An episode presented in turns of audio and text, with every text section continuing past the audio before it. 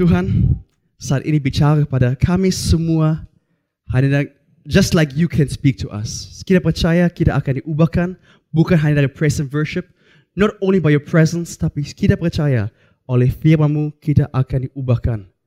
Help us to focus di dalam in Jesus name I pray. Dan semua sama-sama katakan Amen. Okay, my first time preaching in Indonesian. Are you ready? Anda siap? Alright, saya mau mulai khotbah saya dengan sebuah pertanyaan.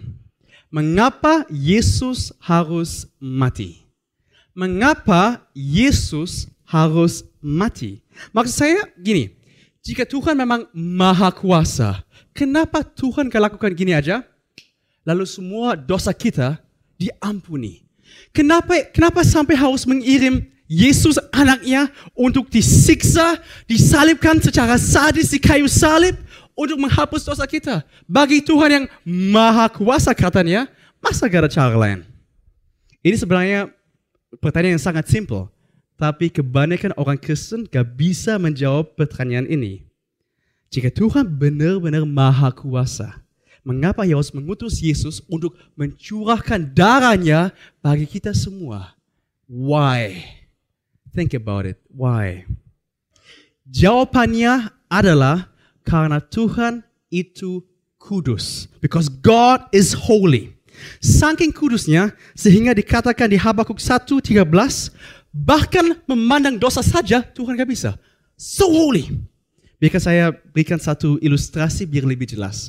Kalau saya masuk uh, suatu ruangan dan ruangan tersebut gelap dan saya akan menyalakan lampu, Seketika, semua kegelapan di ruang itu berubah menjadi terang. Kenapa?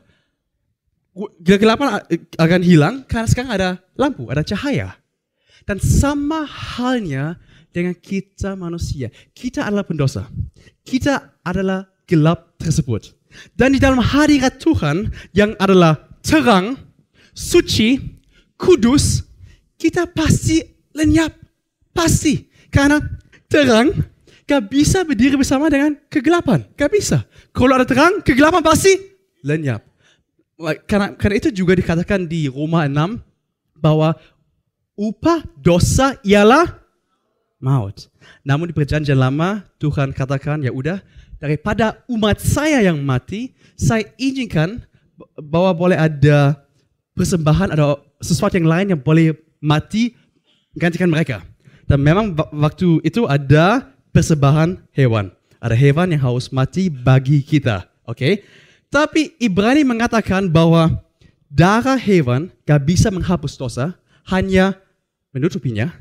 Maka itu Yesus harus datang sebagai domba Allah, persembahan yang sempurna. Sehingga kita sekarang bisa masuk ke dalam hadirat Tuhan sambil berkata, Thank you Jesus, saya bisa masuk ke hadiratmu. Saya udah layak karena Yesus mencurahkan darahnya, udah menebus saya, semua dosa saya hilang because of the blood of Jesus. Beri kemuliaan bagi Tuhan, come on. That is good news. That is good news.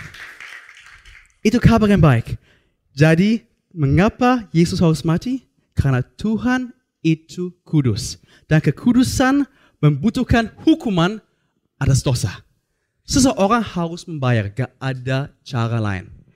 Kekudusan membutuhkan hukuman atas dosa. Dan bagi Tuhan lebih baik Yesus yang membayar sendiri daripada Anda dan saya. And that's awesome news. Sekali lagi, give Jesus praise in this place. Come on. Woo! 1 Petrus 1, 18 sampai 19. Katakan, it's on the screen. Anda masih memandang saya kayak aneh banget. Kayak, gila ini bule. Alright. Dikatakan, sebab kamu tahu bahwa kamu telah ditebus dari cara hidupmu yang sia-sia, yang kamu warisi dari nenek moyangmu itu. Bukan dengan barang yang fana, bukan pula dengan perak atau emas, melainkan dengan darah yang mahal, yaitu darah Kristus yang sama seperti darah anak domba yang tak bernoda dan tak bercacat. 1 Yohanes 1 ayat 7 mengatakan, dan darah Yesus anaknya itu menyucikan kita daripada segala dosa. New Life Church saya mau katakan, ada kuasa dalam darah Yesus yang setuju katakan amin. Ada dua hal yang saya mau fokuskan di khotbah saya malam ini. Dua hal, yaitu aplikasi internal dari darah Yesus dan aplikasi eksternal, eksternal dari darah Yesus. Mungkin Anda mikir ngomong apa tuh boleh iki kayak internal, eksternal. Sabar dulu. After a while, you'll understand. Abis ini pasti mengerti apa saya maksud dengan internal dan eksternal. Jadi di bagian pertama saya, saya akan bicara dulu soal aplikasi internal.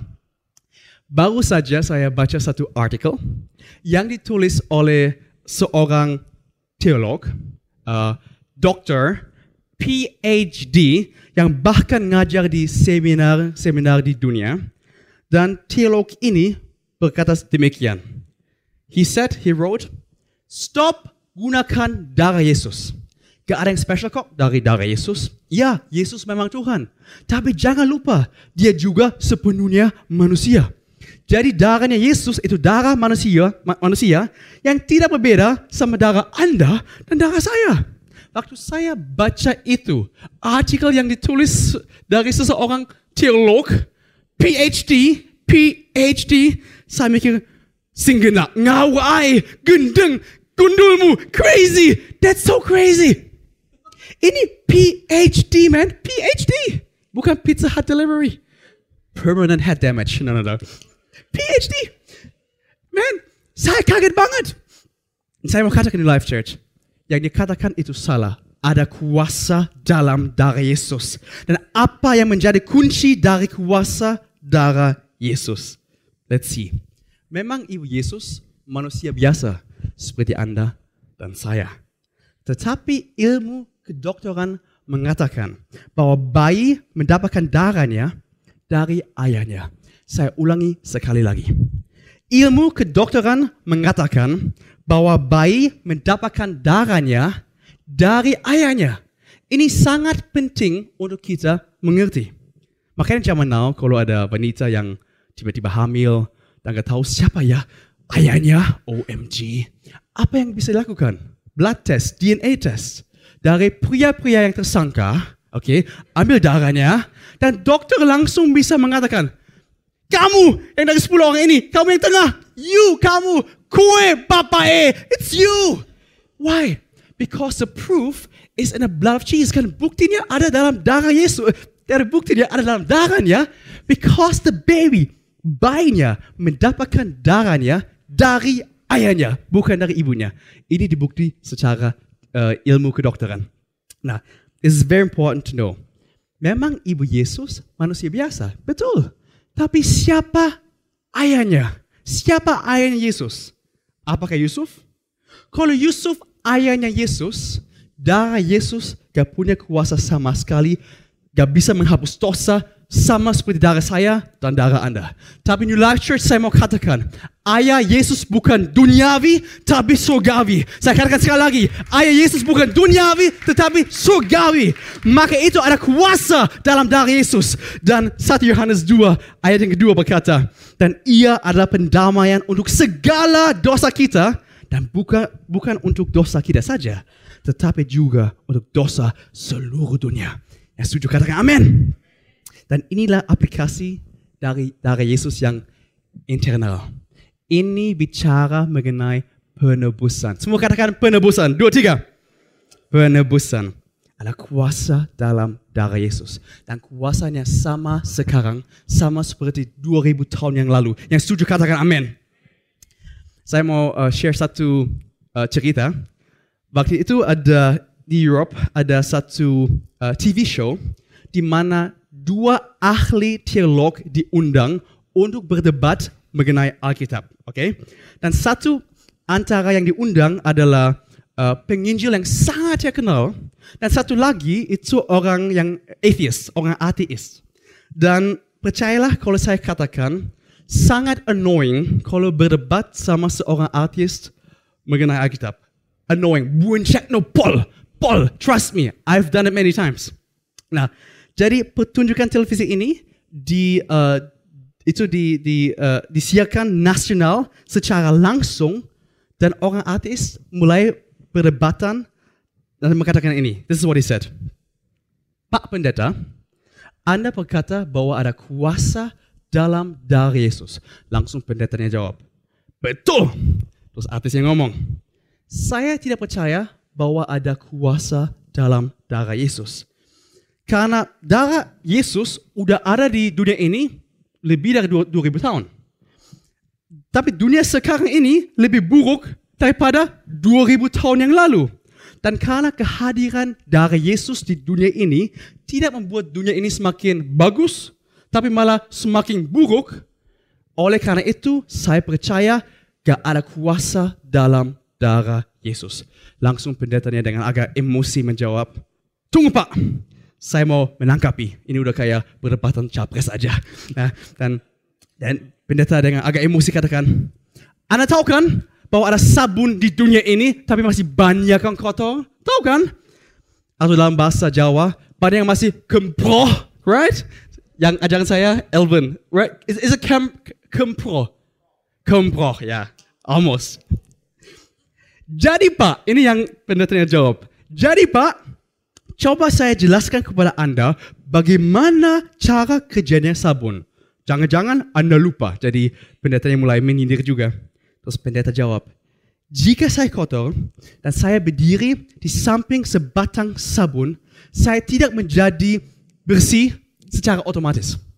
Sabun tidak bekerja secara otomatis.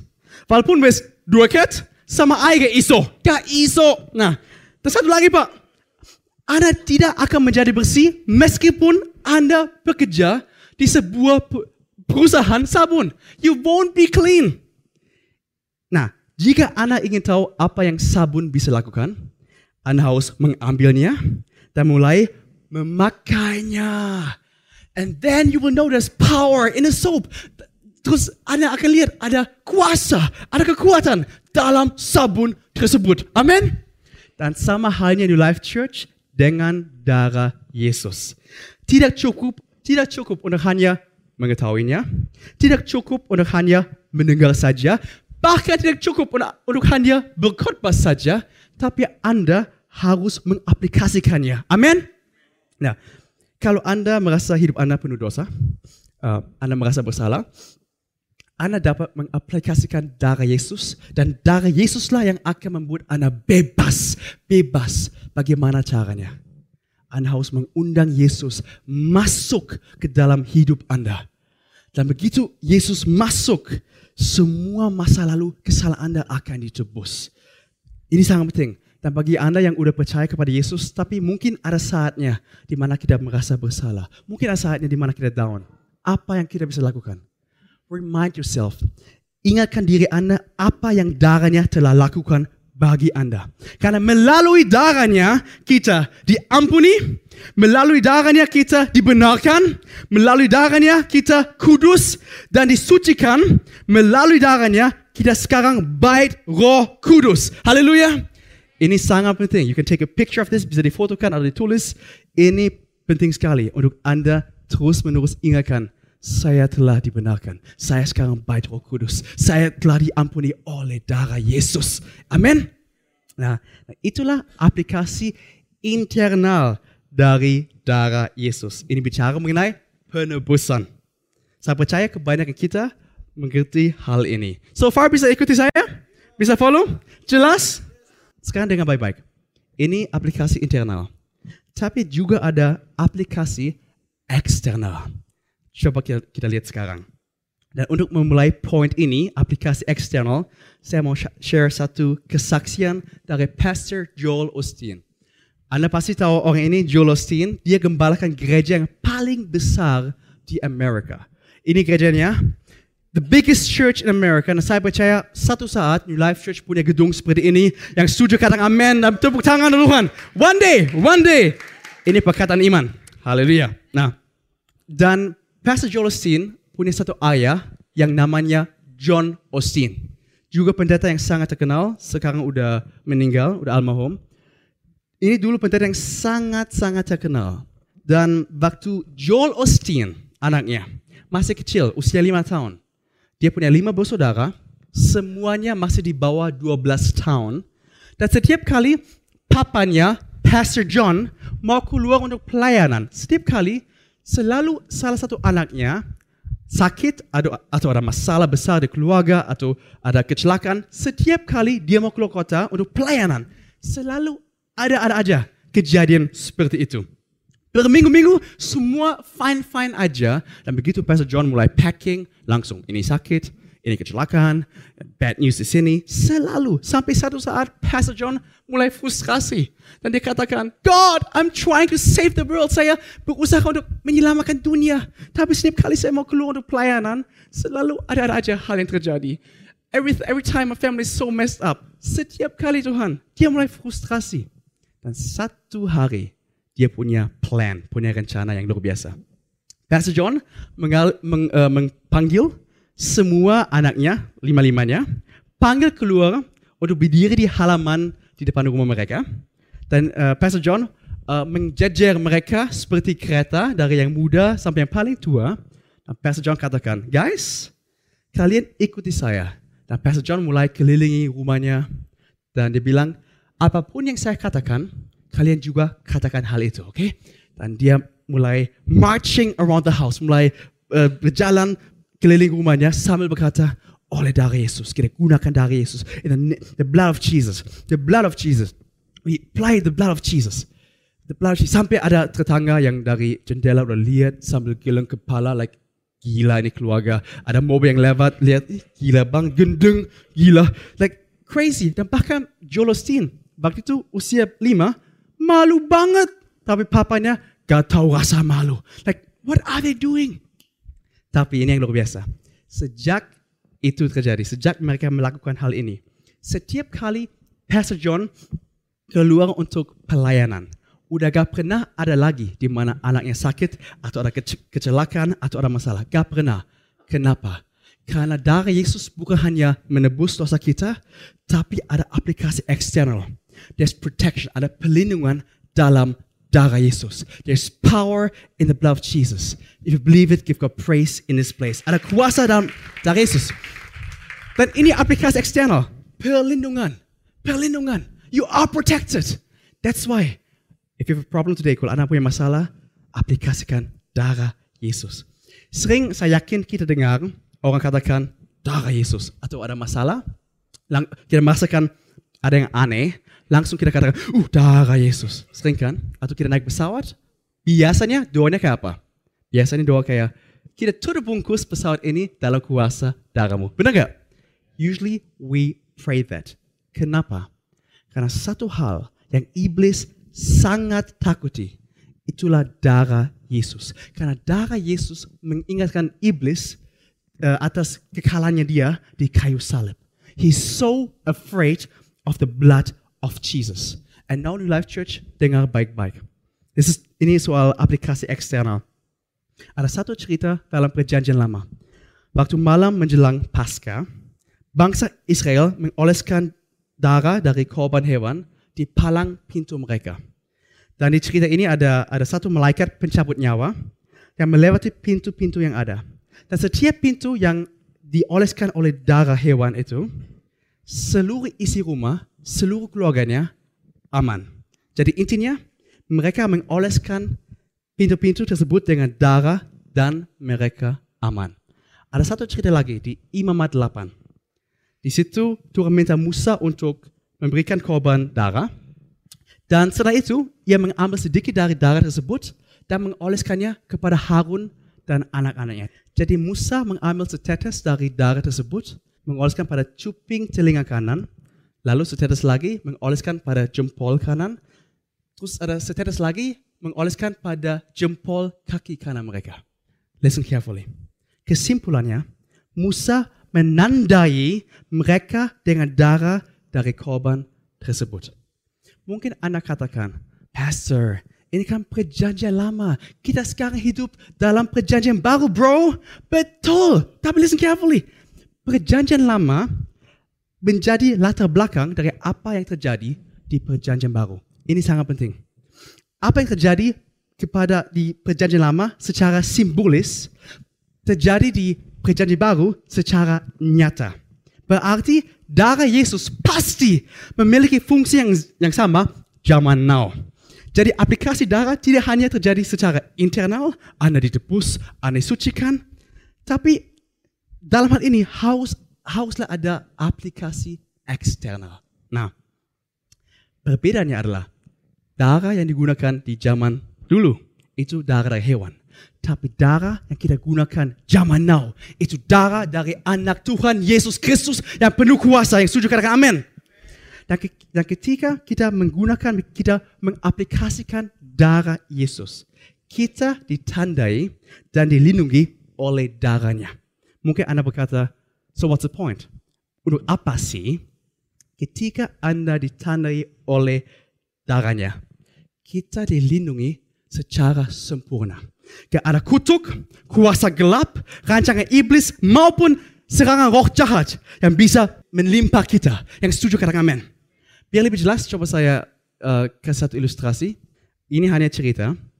Uh, katakanlah, ke mana pun Anda pergi, mungkin di rumah, mungkin di mobil, atau mungkin Anda lagi berjalan sendirian. Ya, mungkin katakanlah Anda baru pulang dari New Life Church, Anda sangat happy karena New Life Worship sangkin bagus, hadir Tuhan sangkin sangkin terasa dan khotbahnya amazing Paul dan, dan Anda lagi pulang berjalan sendirian sambil uh, sambil nyanyi Ku kan terbang tinggi bagai raja wali. Langsung pasti yang paling semangat. Oke. Okay. Dan katakanlah dalam cerita ini ada dua iblis. Oke. Okay? Iblis senior dan iblis junior dan mereka lagi melakukan patroli harian seperti biasanya. Ini hanya cerita. Oke. Okay? Dan begitu iblis melihat Anda, iblis sangat marah. Sangat marah. Dan iblis yang siap untuk mengacaukan hari Anda. Now listen carefully. Tapi saat iblis melihat Anda jemaat New Life Church, yang melihat PDP Michael, yang melihat Elvin, Claudi, yang melihat Dr. Wenny, Melissa. Saat iblis melihat Anda New Life Church, ini yang iblis senior akan katakan kepada iblis junior. Iblis senior akan warn the junior, akan mengatakan, hey, listen, listen bro, listen kamu lihat gak orang ini? Jemaat New Life Church. Mereka ditandai oleh darah Yesus. Dengar baik-baik. Setiap kali kamu junior, kalau kamu lihat orang yang ditandai, jangan sekali-kali menyentuh mereka. Jangan sekali-kali menyentuh mereka. Karena kalau kamu menyentuh mereka, ada ribuan malaikat yang, ada, yang akan hancurkan kamu. Karena Life Church ada kuasa dalam darah Yesus. Dan listen carefully now. Dan kalau kita aplikasi dari Yesus, kita dilindungi secara sempurna dari segala macam iblis dan yang setuju katakan amin. We've been bought with a price. Jesus was the sacrifice. Kita ditebus dengan sebuah harga, yaitu pengorbanannya. Ada kuasa dalam darah Yesus. You are protected, perfectly protected. Saya mau share satu uh, cerita lagi ada satu hamba Tuhan yang saya sangat suka, itu Reinhard Bonke. This is Reinhard Bonke. Menurut saya ini hamba Tuhan yang paling luar biasa. Kalau gak salah melalui pelayan dia, udah 100 juta orang diselamatkan through his ministry. Dan fokus dia di Afrika. Oke, okay? Reinhard Bonke. Kalau dia bikin KKR, jutaan orang datang. Ini lautan manusia. Tentunya di Afrika, Reinhard Bonke ini punya banyak sekali musuh. Terutama dukun-dukun. Dukun-dukun sangat benci sama Raina Bongke. Karena mereka berkata, kalau Raina Bongke datang ke kampung kita, ke desa kita, ke kota kita, bisnis kita, para dukun-dukun, bankrupt, bangkrut, kita hancur. Makanya itu mereka sangat benci sama Raina Bongke. Dan satu saat ada empat dukun yang top-top di Afrika. Mereka kerjasama. Udah satu plan, rencana, kita akan kutuki Raina Bongke. Kita akan ikuti kakek dia. Dan begitu Raina Bongke mau mulai khotbah, kita kasih mantra dan Raina Bongke tiba-tiba akan akan paralyzed, akan lumpuh, tak bisa gerak lagi. Nah itu plannya mereka. Mereka datangi kakek Erin tersebut, mereka sudah siap-siap. Dan waktu itu Raina Bongke lagi duduk di panggung waiting, menunggu kapan bisa khotbah, lagi praise and worship dan dia katakan, oh praise and worshipnya lama banget, kelamaan sekali, uh.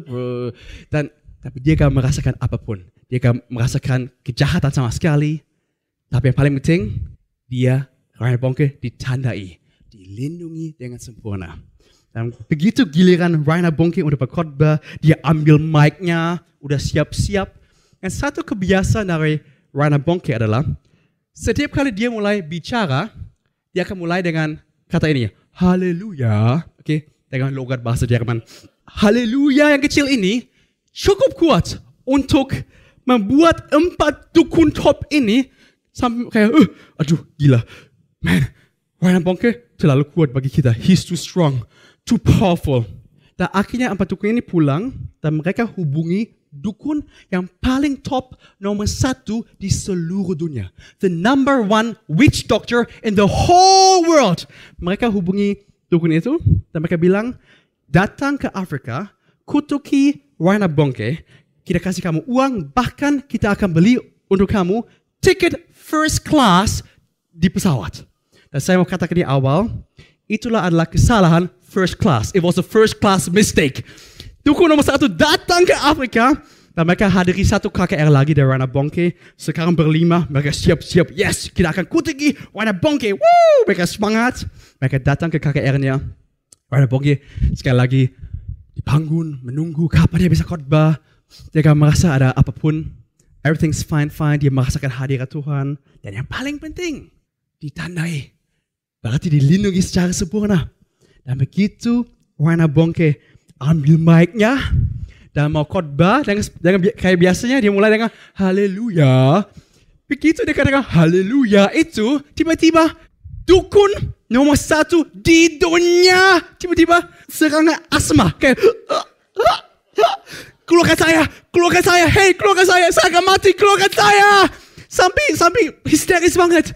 Dan akhirnya witch doctor dukun nomor satu dikeluarkan dari KKR-nya dan Raina Bongke di panggung mau khotbah melihat apa yang terjadi. Hampir saja Raina Bongke mau turun untuk doakan. Ini kan ini kan KKR kesembuhan.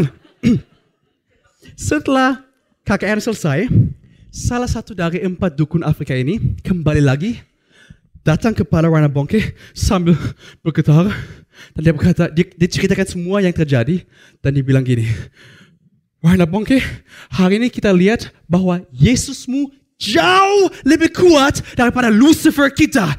Your Jesus stronger than my Lucifer. Hallelujah. Dan dia kata, dan dukun ini katakan kayak ini.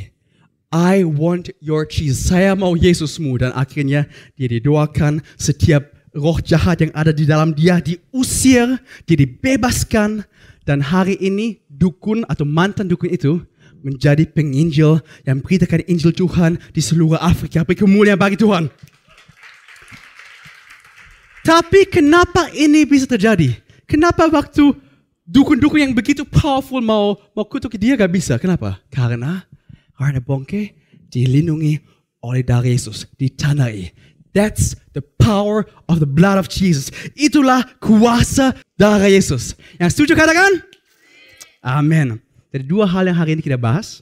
Yang pertama, aplikasi internal.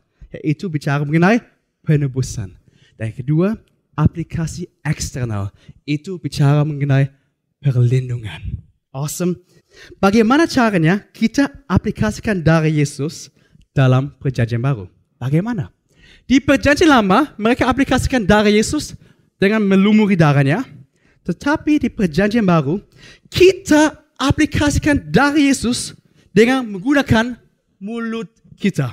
Kita percaya dan kita berkatakan. Kita percaya dan kita berkatakan. Jadi yang pertama New Life Church hari ini, Anda harus mengundang Yesus masuk ke dalam hidup Anda. Jadikanlah Yesus Tuhan atas hidup Anda. Sekali aja, sekali cukup. Dan setiap dosa Anda, masa lalu Anda akan ditebus. Alkitab berkata, percaya dalam hati dan mengaku dengan mulut bahwa Yesus Tuhan. Bahkan di saat yang sama, akan langsung akan ditandai oleh darahnya. Dan Anda akan dilindungi dengan sempurna. Bukan berarti gak ada masalah lagi. Masih ada masalah.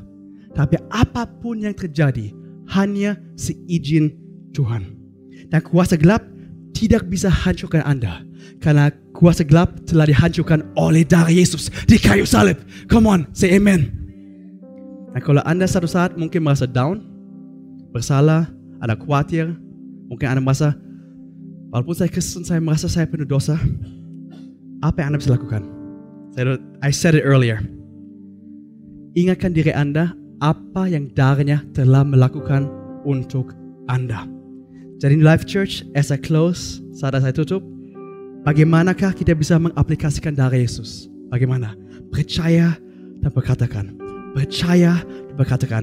New Life Church semua katakan percaya dan katakan. Gimana New Life Church? Amin. Dan menerimanya dengan iman. Semua yang ada di dalam kerajaan Allah bekerja dengan iman. Faith is the currency of the kingdom of God. Semua bangkit berdiri. Khotbah saya bisa dimengerti hari ini? Dalam bahasa Indonesia? Bisa tangkap? Awesome, alright. I really hope saya berharap Anda bisa tangkap semua khotbah saya. Tidak gampang buat saya. Saya merasa sangat terbatas dengan kata-katanya. And uh, should I do it again one day? Alright. Percaya dan katakan. Wahyu 12:11 mengatakan dan mereka mengalahkan dia oleh darah anak domba dan oleh perkataan kesaksian mereka.